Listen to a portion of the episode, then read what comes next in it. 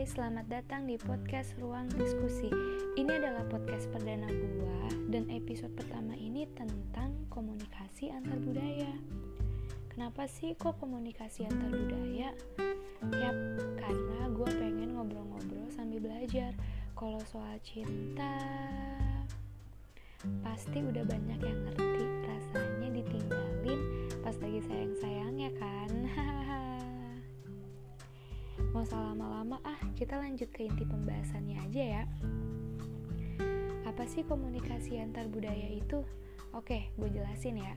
Komunikasi antar budaya adalah komunikasi yang terjadi di antara orang-orang yang memiliki kebudayaan yang berbeda, seperti beda ras, etnik, atau sosioekonomi, atau gabungan dari semua perbedaan ini.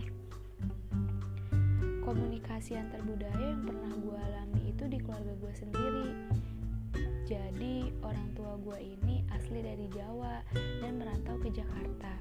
Gue sama adik gue lahir di kota Jakarta. Karena dari lahir gue tinggal di sini dan menetap di sini, jadi gue udah terbiasa dengan kebudayaan dan bahasa Betawi. Tapi tiap setahun sekali pada hari raya Idul Fitri, gue dan keluarga pulang kok ke Jawa. Di sana gue ngeliat banyak banget perbedaan dari suku Betawi dan suku Jawa yang biasanya gue kalau duduk arogan di sana nggak boleh karena ada tata cara duduknya. Dari bahasanya pun juga udah berbeda. Kalau suku Betawi menggunakan bahasa Indonesia sebagai bahasa formalnya sedangkan suku Jawa ada bahasa khususnya yaitu ya bahasa Jawa. Ada sih yang menggunakan bahasa Indonesia tapi dikit banget cuman 20 persenan lah dan tutur intonasinya juga berbeda. Kalau suku Betawi lebih belak-belakan, sedangkan suku Jawa kemayu yang artinya lemah lembut. By the way, orang tua gue itu beda daerah guys. Kalau nyokap dari Jawa Timur, sedangkan bokap dari Jawa Tengah.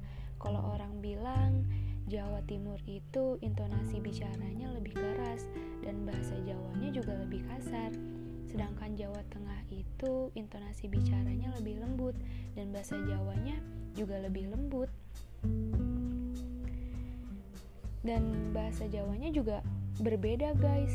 Kalau Jawa Timur bahasanya kan lebih kasar, sedangkan Jawa Tengah itu bahasanya lebih lembut. Contohnya tuh kayak gini. Jawa Timur yo nggak ngono ya tidak begitu. Jawa Tengah yo orang ngono ya tidak begitu.